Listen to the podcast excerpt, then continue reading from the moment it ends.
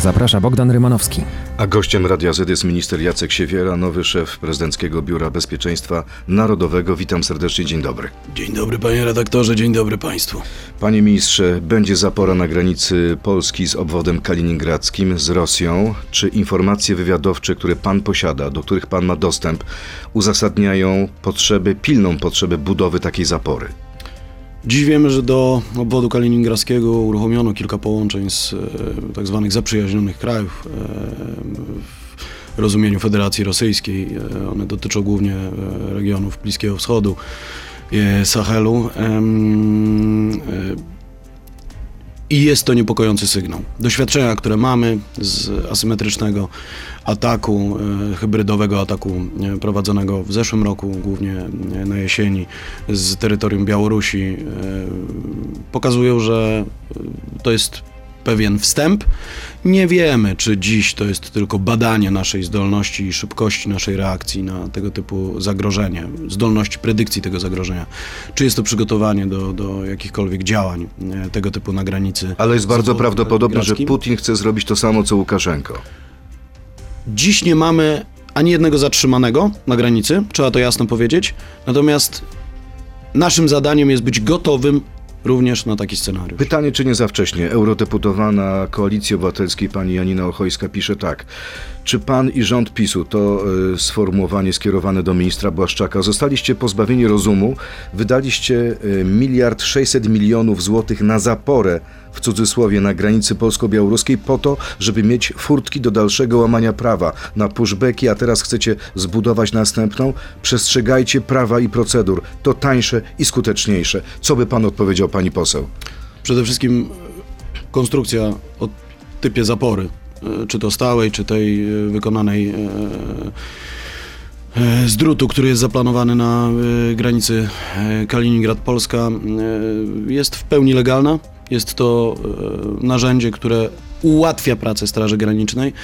Emocjonalne wypowiedzi dotyczące stosowania prawa nie, nie, nie ułatwiają pracy służbom granicznym, nie ułatwiają pracy Straży Granicznej i nie podnoszą bezpieczeństwa naszych obywateli.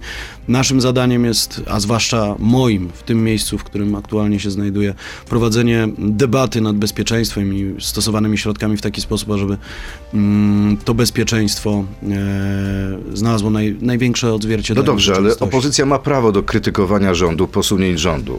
No i z tego, co obserwowałem ten wpis, to również y, korzysta z prawa bycia krytykowanym. Czyli pan jest zaskoczony tym wpisem, tą krytyką? Panie redaktorze, nie jest żadną tajemnicą, że je- jednym z moich zawodów jest również zawód lekarza. Szacunek do życia ludzkiego, szacunek do godności ludzkiej jest wpisany w moją drogę zawodową. To był zresztą jeden z powodów, dla których pan prezydent y, powierzył mi również y, tą funkcję. Y, w sytuacji tak trudnej jak hybrydowy atak z wykorzystaniem ludzi wykorzystywanych jako zakładnicy, nie ma dobrych wyjść. I właściwa, wczesna konstrukcja tego typu daje wystarczający, miejmy nadzieję, wystarczający sygnał, że nie będzie możliwości wykorzystania tego ataku. Wszystkie środki, które strona przeciwnika zainwestuje, zaangażuje w realizację takiego ataku, nie przyniosą rezultatu, więc być może zniechęci przeciwnika. To jest najlepsza metoda działania. Panie ministrze, a może jest tak, że za rzadko spotyka się Rada Bezpieczeństwa Narodowego, za rzadko prezydent, pan rozmawiacie z opozycją. Być może nie byłoby takich wpisów, nie byłoby niezrozumienia, gdybyście ze sobą częściej rozmawiali. Ostatni e, RBN miała miejsce w lipcu, o ile dobrze pamiętam. Tak, to prawda. Panie redaktorze, i ym, rzeczywistość, w której żyjemy, sprawia, że tych Rad Bezpieczeństwa Narodowego było wyjątkowo dużo, jak spojrzymy na 30-letnią historię ym, państwa w ostatnich Pytanie, dekadach. czy w czasie wojny taka Rada Bezpieczeństwa Narodowego nie powinna być raz w miesiącu przynajmniej? To może spójrzmy na to, czym jest Rada Bezpieczeństwa Narodowego. To ciało doradcze pana prezydenta i taką funkcję musi pełnić w pierwszej kolejności, zgodnie z konstytucją. Drugą funkcją jest budowanie porozumienia, to jest dopiero druga funkcja, budowania porozumienia z opozycją. I tą funkcję również staramy się realizować. Natomiast, i, to jest jedna z ważniejszych funkcji, jakie e, również ja e, przyjąłem na siebie, obejmując kierownictwo Biura Bezpieczeństwa Narodowego. Zbudowanie właściwej komunikacji i pewnej przestrzeni do dyskusji o sprawach absolutnie kluczowych dla bezpieczeństwa państwa, właśnie w BBN-ie, wymaga komunikacji na wielu różnych płaszczyznach. Jeśli zaczniemy korzystać tylko z RBN-u w sposób codzienny, to niestety, ale możemy doprowadzić do sytuacji, w której również i to narzędzie, które dziś zdaje swój egzamin jako płaszczyzna wyjętej spoza dy- takiej codziennej debaty politycznej, dyskusji, zostanie w nią uwikłane. Czyli rozumiem, że pan idzie w tym kierunku, co za dużo, to niezdrowo. Pan prezydent zwoła Radę Bezpieczeństwa Narodowego wtedy, gdy będą po temu bardzo konkretne przesłanki. Moja rola w tym czasie to dostarczenie przestrzeni w ramach Ra- Biura Bezpieczeństwa Narodowego do debaty o najważniejszych sprawach państwa poza albo ponad podziałem politycznym. I w tym celu, między innymi, panie redaktorze, w przyszłym tygodniu e, chcemy przygotować spotkanie wszystkich byłych szefów Biura Bezpieczeństwa Narodowego. Zarówno z lewej strony sceny politycznej, jak i z prawej. Tych ludzi, którzy przez tyle lat em, mieli szansę obserwować rozwój bezpieczeństwa państwa i dziś mogą wnieść istotny wkład, patrząc z dystansu również na Czyli co, pozycję, w to będzie Polska zaproszenie dla generała Kozieja, dla Marka Siwca? Już zostały wysłane. Jeszcze ktoś będzie w tym uczestniczył, pamięta Generał pan? Roman Polko. Oczywiście mówimy o żyjących szefach e, Biura Bezpieczeństwa. Czyli będzie spotkanie byłych z obecnym szefem BBN-u. Tak. E, Panie e, majorze, panie majorze, dobrze pamiętam, Tak. dobrze. Potwierdzam. E, Na jakim etapie wojny na Ukrainie jesteśmy dzisiaj? Słyszeliśmy w wiadomościach o kolejnym ataku dronów, irańskich dronów. To straszna rzecz, dlatego że niszczona jest infrastruktura Ukraińców, mają duże problemy z wodą, mają duże problemy z prądem. Czy w ten sposób Rosja może zniszczyć Ukrainę? To ryzyko jest oczywiście bardzo realne. Tą metodą Rosja może zniszczyć ludność cywilną państwa ukraińskiego, bo Rosja nie radzi sobie z, e, ze zniszczeniem sił zbrojnych ukraińskich. Na dzień dzisiejszy mamy em, kontrofensywę ukraińską, która choć powoli, choć wolniej, to jednak posuwa się naprzód, zwłaszcza w, w regionie Hersonia. Ona przyjmuje mm, oprócz takich taktycznych sukcesów również sukcesy o charakterze operacyjnym. To nie jest jeszcze żaden punkt zwrotny w wojnie. E, W takich kategoriach ściśle strategicznych. Ma on charakter operacyjny. Być może e, do końca tego roku e, taki punkt zwrotny uda się osiągnąć, natomiast okupione jest to ceną życia cywilów ze względu na stosowane przez Rosję taktyki e, i niestety ryzykiem eskalacji, z którym wszyscy mm, no, musimy się mierzyć. Ryzyko eskalacji, czyli odwieczne pytanie, czy Putin użyje broni atomowej? Jak pan patrzy na te sprzeczne informacje, bo na początku było straszenie, teraz mamy troszeczkę takie umiarkowane oświadczenie rosyjskiego MSZ-u, że jesteśmy przeciwko wojnie nuklearnej, bo ona zniszczy cały świat.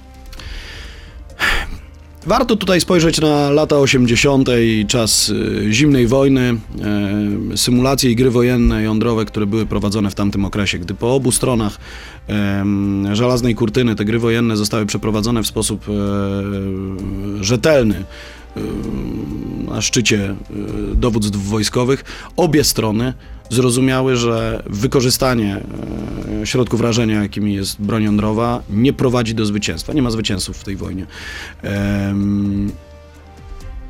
Pytanie, Być czy może Rosjanie to wiedzą, takim- czy Putin to wie? Być może jesteśmy w takim momencie. Ja zakładam, że jednak e, Putin jest e, racjonalny w wykorzystywaniu środków, choć zbrodniczych i, i nielegalnych, i rozumie, że wykorzystanie broni jądrowej byłoby przekroczeniem granicy, która e, w wielu wypadkach zaszkodzi e, Federacji Rosyjskiej. To dotyczy proliferacji broni e, jądrowej w innych państwach, to, to dotyczy e, reakcji państw Zachodu, to dotyczy izolacji władz e, mm, Ukrainy mm, na arenie międzynarodowej, być może również w jego własnym państwie. Panie ministrze, czas na krótką piłkę, czyli pięć krótkich pytań do naszego gościa, na które pan może odpowiedzieć tylko albo tak, albo nie to wobec tego spróbujmy zacząć. Polska jest bardzo mocno zagrożona, ale ze względów bezpieczeństwa nie mogę o tym mówić. Tak czy nie? Nie. Prezydent jest surowym szefem i krzyczy na swoich pracowników. Tak czy nie? Nie. Rzucę posadę w BBN, jeśli będę potrzebny do ratowania ludzi. Tak czy nie? Przyjmę to, w której będę ratował więcej ludzi. Czy polscy żołnierze wkroczą na Ukrainę, jeśli Ukraina to poprosi i będzie to niezbędne? Tak czy nie? To musi być decyzja sojusznicza. Czyli nie można odpowiedzieć tak albo nie. W tym wypadku nie, bo mamy zbyt wielu uczestników Sojuszu Północnoatlantyckiego. I ostatnie pytanie. Wojna skończy się zwycięstwem Ukrainy jeszcze przed latem przyszłego roku. Tak czy nie? Raczej tak.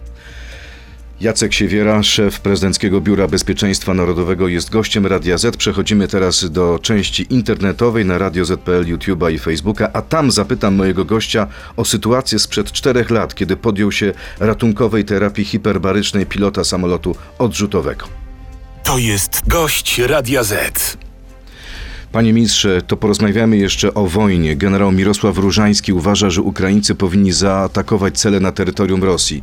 Czas, czas przejść do ofensywy, inaczej Rosja zniszczy tą infrastrukturę energetyczną Ukrainy i będziemy mieć kolejną falę uchodźców. Co pan o tym myśli? Ukraińcy powinni uderzyć w głąb, wewnątrz Rosji?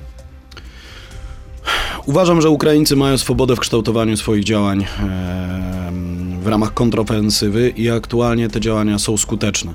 Zasoby Federacji Rosyjskiej są em, ograniczone. Fakt y, coraz głębszego uzależnienia się Federacji Rosyjskiej od dostaw e, uzbrojenia e, różnego profilu, bo to są nie tylko drony Szachid e, od Teheranu, e, świadczy o tym, że ta stawka po obu stronach ma swoje ograniczenia.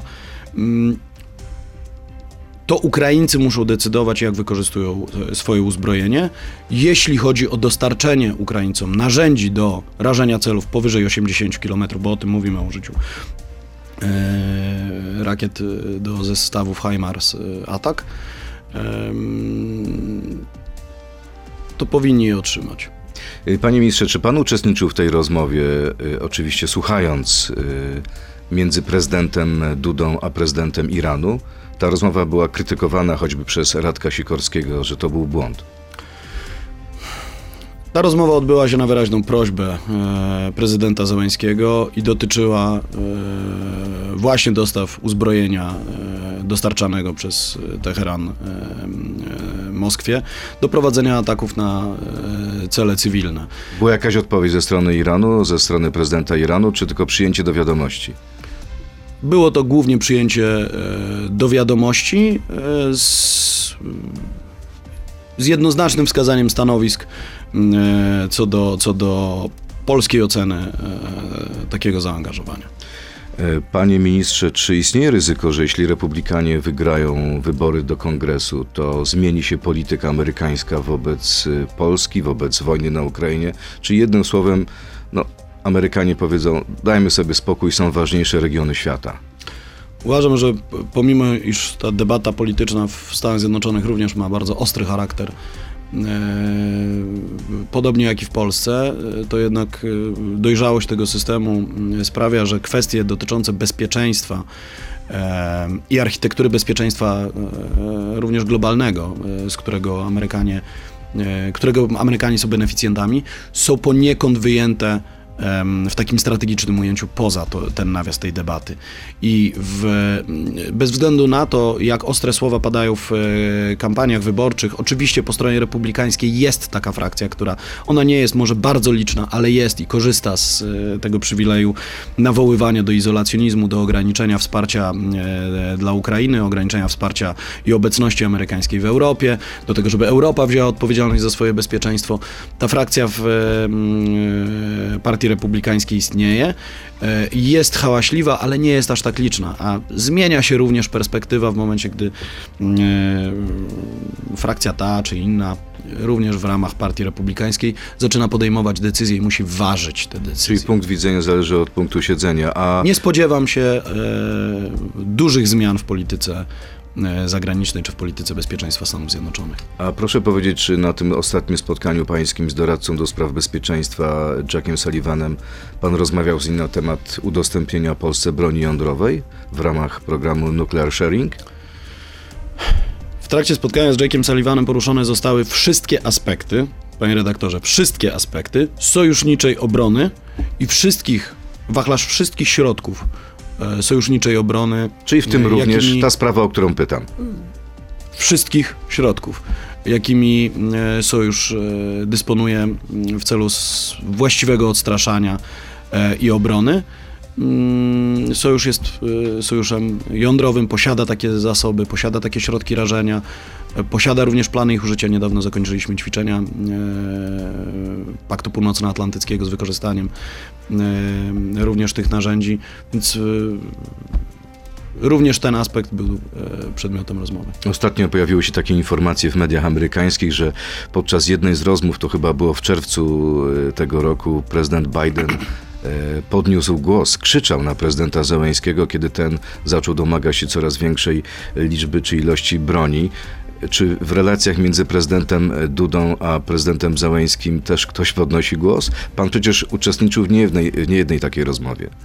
Tak, to prawda, niemniej jednak te relacje są zupełnie inne. Relacje między panem prezydentem e, Dudą a panem prezydentem Zełęskim mają charakter niemal relacji prywatnych, e, przyjacielskich, osobistych. E, nawet jeżeli są tam emocje, są to emocje przyjaciół, e, sojuszników e, w najtrudniejszych chwilach. To, mm, to absolutnie szczególna więź. E, mm, nie sądzę, by miała taki charakter jak e, inne rozmowy o charakterze dyplomatycznym. A to czy politycy podnoszą głos w trakcie mm, niejawnej rozmowy. Polityka to twarda gra. A prezydent, wracając do tego pytania z krótkiej piłki, jak to jest z tym podnoszeniem głosu? Jak wyglądają pańskie relacje, pańskie rozmowy z prezydentem? Jest tak, że kłócicie się czasami? Jestem żołnierzem, a pan prezydent jest, mimo wszystko jestem żołnierzem. A, e, choć w rezerwie, stoi pan na a baczność cały czas w czasie tych rozmów? zwierzchnikiem sił zbrojnych. No ale nie, no chyba musi pan powiedzieć, panie prezydencie, nie zgadzam się z panem, jeśli pan się nie zgadza. Moim zadaniem jest doradzać panu prezydentowi w zakresie bezpieczeństwa państwa w najlepszy sposób, jaki potrafię to zrobić. E, Nie jest żadną tajemnicą, że mam poglądy konserwatywne. Em, Niemniej jednak e, kwestie bezpieczeństwa państwa e, oceniam podług szerokiego konsensusu. Czyli jak zaprasza pan przedstawiciela lewicy, to nie rozmawia pan na temat jego stosunku do kościoła, do aborcji, tylko na temat, jak Polska powinna, co Polska powinna robić, żeby była bezpieczniejsza, tak? O to chodzi. Również co on może zrobić, Co żeby on może zrobić dla. Polski? Panie ministrze, panie majorze, e, chciałbym, żebyśmy porozmawiali o tej sytuacji sprzed czterech lat, kiedy pan podjął ratunkową terapię hiperbaryczną pilota samolotu odrzutowego. To wszystko brzmi bardzo skomplikowanie, ja jestem laikiem, więc proszę by tłumaczyć, jak to wyglądało, co się stało tak naprawdę, co temu pilotowi dolegało. jedna z sytuacji, która zmieniła bieg mojego życia, jego też.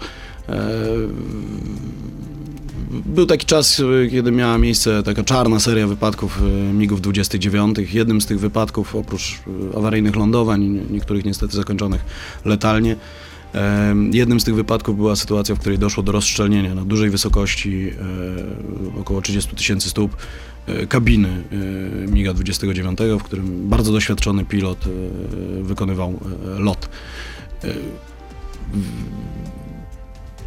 Ten pacjent został przywieziony do, do, do, do kliniki e, medycyny hiperbarycznej Wojskowego Instytutu Medycznego w, e, w krytycznym stanie, z e, niedowładem kończyn, z objawami uszkodzenia ośrodkowego układu nerwowego, niewydolności oddechowej. I jedną z metod leczenia, jedną z metod leczenia w, taki, w takim wypadku, tutaj po, po, po postawieniu rozpoznania e, choroby dekompresyjnej dużych wysokości e, jest e, przeprowadzenie terapii z wykorzystaniem wysokich ciśnień, czyli wprowadzenie pa, pacjenta, w tym wypadku również i lekarza, do komory hiperbarycznej, takiej, nie wiem jak to opisać w sposób prosty, takiej stalowej puszki, w której generujemy ciśnienie kilku atmosfer bezwzględnych. To jest ciśnie, różnica ciśnień odpowiada y, mniej więcej różnicy ciśnienia między kołem samochodowym a, a, a, a e, przestrzenią, w której właśnie z panem redaktorem rozmawiamy. Do takiego ciśnienia musimy mm, tego pacjenta mm, wprowadzić i e, przeprowadzić większość procedur medycznych w tych warunkach nadciśnienia, między innymi kanulację naczyń krwionośnych, y, między innymi podaż leków, w, tym wypadku również wazopresyjnych leków. No i to zostało u tego pacjenta wykonane. I Y, to było tak, że pan był razem leczony. z tym pacjentem, czy byli też inni lekarze jeszcze? Byłem w komorze hiperbarycznej, pracowałem z pacjentem sam, na zewnątrz pozostawał operator komory hiperbarycznej. To jeden z kolegów, którzy, którzy są zawodowymi nurkami z e, wojsk specjalnych. To był ten moment, kiedy pan w jakimś sensie otarł się o własną śmierć? To są duże słowa. E, Każdy, e, kto, kto, kto pełni służbę wojskową, w pewien sposób podejmuje taką decyzję jeszcze zanim przejdzie do, do, do realizacji zadań służbowych. Natomiast była to procedura związana z ryzykiem, dlatego że na pewnym jej etapie konieczne było ominięcie procedur. Czyli musiał pan zdjąć aparat własny. tlenowy, tak? Tak, przerwać własną dekompresję, tak, tak było. Ile to trwało, ta, ta przerwa? Aż do rozprężenia komory. Czyli to jest kwestia sekund, minut? Kilkudziesięciu minut, jak nie godzin. Cała procedura trwała prawie 5 godzin. Decyzję podjął pan sam, bo pan podejmował decyzję, co robić dalej, czy... Takiej decyzji nikt nie podejmie za nas. To są nasze własne decyzje. Czyli zaryzykował pan własnym życiem, żeby ratować życie tego pilota? On w tym czasie wykonywał zadanie służbowe w powietrzu, chroniąc również mnie. To, tu nie ma miejsca na dywagację. Czyli rodzaj pewnego rewanżu, braterstwa broni. Tak, w wojsku, w świecie, z którego pochodzę, yy, to braterstwo ma istotne znaczenie. W świecie polityki, yy, czego się jeszcze uczę, jest bywa inaczej. Trochę inaczej. Yy, Z tym pilotem jest wszystko ok? Tak, tak, spotkaliśmy się. Widujecie się? Y, Tak, spotkaliśmy się z żonami. Pamiętam, wówczas była premiera filmu Dywizjon 303 z y, udziałem y, pana Piotra Adamczyka. Spotkaliśmy się na, na, na premierze filmu. Wielokrotnie odwiedzaliśmy się w domach. Żyje, ma się, ma się świetnie. Czy to jest tak, że jest pan człowiekiem, który ma szczęście, a może pecha, że znajduje się w takich podbramkowych sytuacjach? Ostatnio, jak pan kilka tygodni temu jechał z kolumną prezydencką, doszło do wypadku i musiał pan reanimować jednego z rannych. Chyba, chyba, że jest tak, że zawsze pan się znajduje we właściwym miejscu, tam gdzie pan powinien. Nie znam odpowiedzi, panie redaktorze, na to pytanie. Natomiast rzeczywiście jest tak, że yy, grono przyjaciół yy, śmieje się, że yy, ściągam takie, takie, takie sytuacje. Mam nadzieję, że w czasie tej rozmowy nic złego się nie stanie. Liczę, że nie. Dobrze, panie ministrze, to seria pytań od naszych y, słuchaczy. A propos, y, słuchacz, który y, występuje pod kryptonimem, pod nickiem Pythone 2018. Czy rozmawiając z możnymi tego świata na tematy związane z bezpieczeństwem, korzysta pan z usług tłumacza? Jeśli tak, to skąd pewność, że rzeczony translator nie wypapla na prawo i lewo informacji top secret? Większość rozmów e, w trakcie wizyt zagranicznych odbywa się w języku angielskim. Jako absolwent Uniwersytetu Oksfordzkiego jakoś sobie radzę. E, Nie potrzebuje pan tłumacza. Nie używam. Ale w takich rozmowach między prezydentem Dudą a prezydentem Załęskim, oni rozmawiają we własnym języku czy po angielsku? Korzystają z usług tłumacza. e, Ci tłumacze są. To, to jest w naszym wypadku polski tłumacz. E, I ci tłumacze są poddawani procedurze sprawdzenia. e, Czyli Przynajmniej nie wypaplają, albo przynajmniej mają taki obowiązek niepaplania. Mają certyfikaty dopuszczenia do informacji niejawnej również na różnych poziomach, e, więc traktujemy tego typu uwierzytelnienie jako, jako również pewne zobowiązanie. To są ludzie, z którymi współpracujemy. Jasne. Łukasz GKS, czy należy przywrócić obowiązkową służbę wojskową? Czyli służbę z poboru. Nie ma dzisiaj takiej potrzeby. E, Ustawa o obronie ojczyzny e, obowiązuje od zaledwie kilku miesięcy.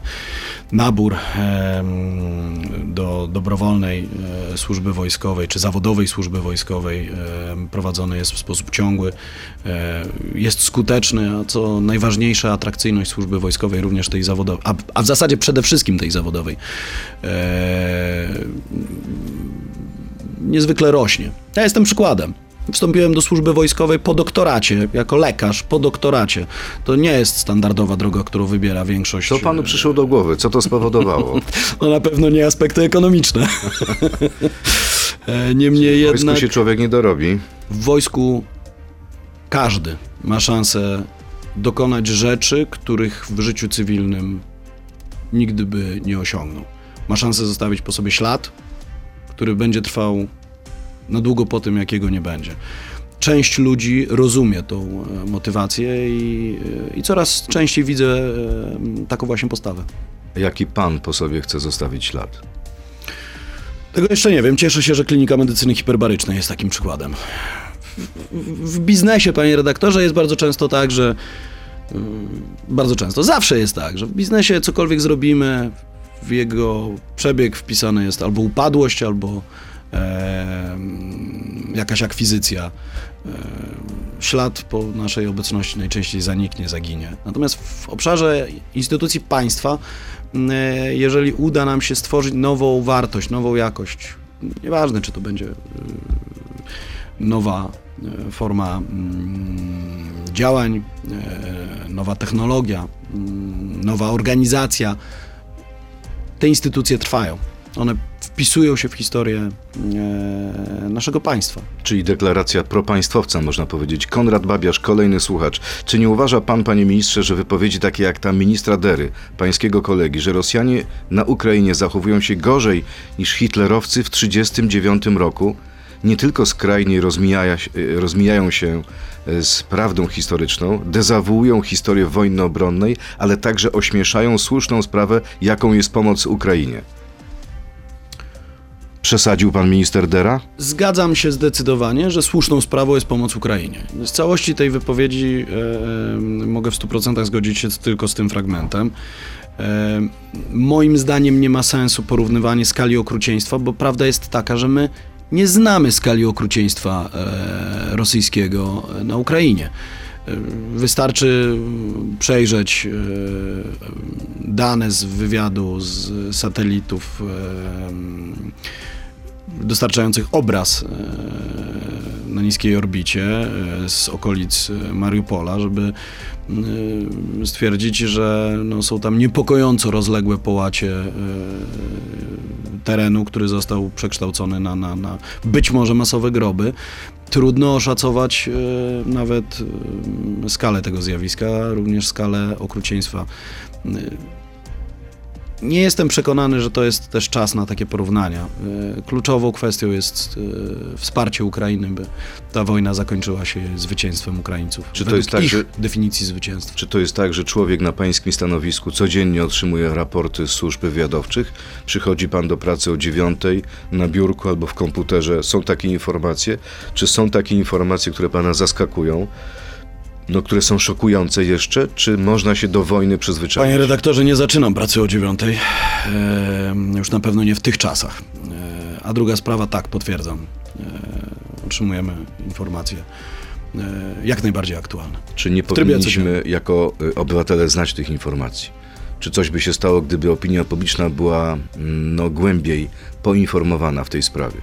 Zdecydowanie coś by się stało, nie byłoby to nic dobrego Dlaczego? z punktu widzenia bezpieczeństwa państwa. Duża część informacji, które posiadamy, mają charakter operacyjny. To są informacje dotyczące nie tylko sytuacji, ale informacje dotyczące również źródeł tej wiedzy. E, Ich ujawnienie ujawnia źródła bardzo często. To ostatnia sprawa. E, Rosyjski opozycjonista Ilja Ponomariow, e, z którym rozmawiałem wczoraj w Polsacie, powiedział, że Putina może zabić ktoś z jego najbliższego kręgu, otoczenia. Po prostu dlatego, że Putin bardzo dużo wie, także na temat tych ludzi.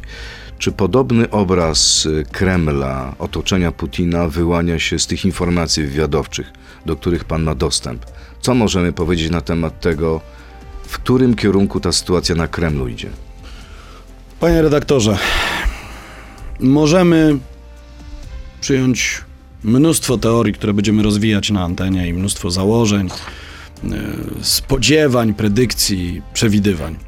Pamięta pan początek te- tej wojny w lutym, w marcu, gdy e, specjaliści od COVID e, zakończyli aktywność w zakresie SARS-CoV-2 i zaczęli opowiadać o tym, jak, jaką chorobę śmiertelną diagnozują u Putina.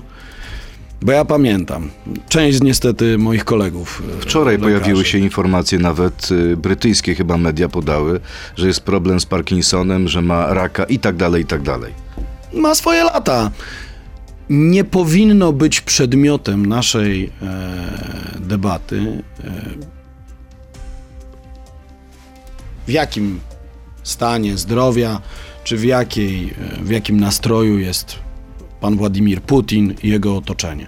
Jego otoczenie ma stosować normy prawa międzynarodowego i naszym zadaniem jest wspomóc Ukraińców w tym, aby zwyciężyć. Jasne, ale ten y, opozycjonista Panomariow mówi, że ci ludzie powinni dostać także nie tylko kijem, ale także dostać marchewkę, czyli dostać propozycję. Jeżeli y, wykluczycie Putina z gry, to wam się nic nie stanie. No taka gra się toczy. To jest polityka. To jest także element strategii wojennej. Panie redaktorze, proszę mi. E, szef BBN-u ma ten przywilej, że nie do wszystkich aspektów e, musi się odnosić. E, To ostatnie w pytanie. bezpośredni. Proszę mi pozwolić skorzystać z tego przywileju w tym wypadku. Mamy świadomość również tych aspektów. Ostatnie pytanie. Kiedy ta wojna się skończy? Przed czerwcem przyszłego roku? I jeśli tak, to jak się skończy? To, to pytanie już mi pan zadał, panie redaktorze, w e, krótkiej serii, tak? No tak, krótkiej piłce. Więc Ale chcę dopytać pana, na jakiej podstawie pan tak myśli? Uważam, że zasoby e, obu stron, jeżeli e, konflikt nie wyeskaluje, e, będą na wyczerpaniu na wiosnę przyszłego roku. Czyli i- szybciej y, wyczerpie się chciałbym siła widzieć, Rosji. Chciałbym widzieć zakończenie tej wojny mm, jak najszybciej, ale obawiam się, że odzyskanie terytoriów przez Ukraińców jest możliwe dopiero na wiosnę. Bardzo dziękuję. Minister Jacek Siewiera, szef Biura Bezpieczeństwa Narodowego, był gościem Radia Z. Dziękuję panu, panie ministrze. I miłego dnia Serdecznie życzę. dziękuję, panie redaktorze. Dziękuję bardzo. To był gość Radia Z. Słuchaj codziennie w Radio Z i na player radioz.pl.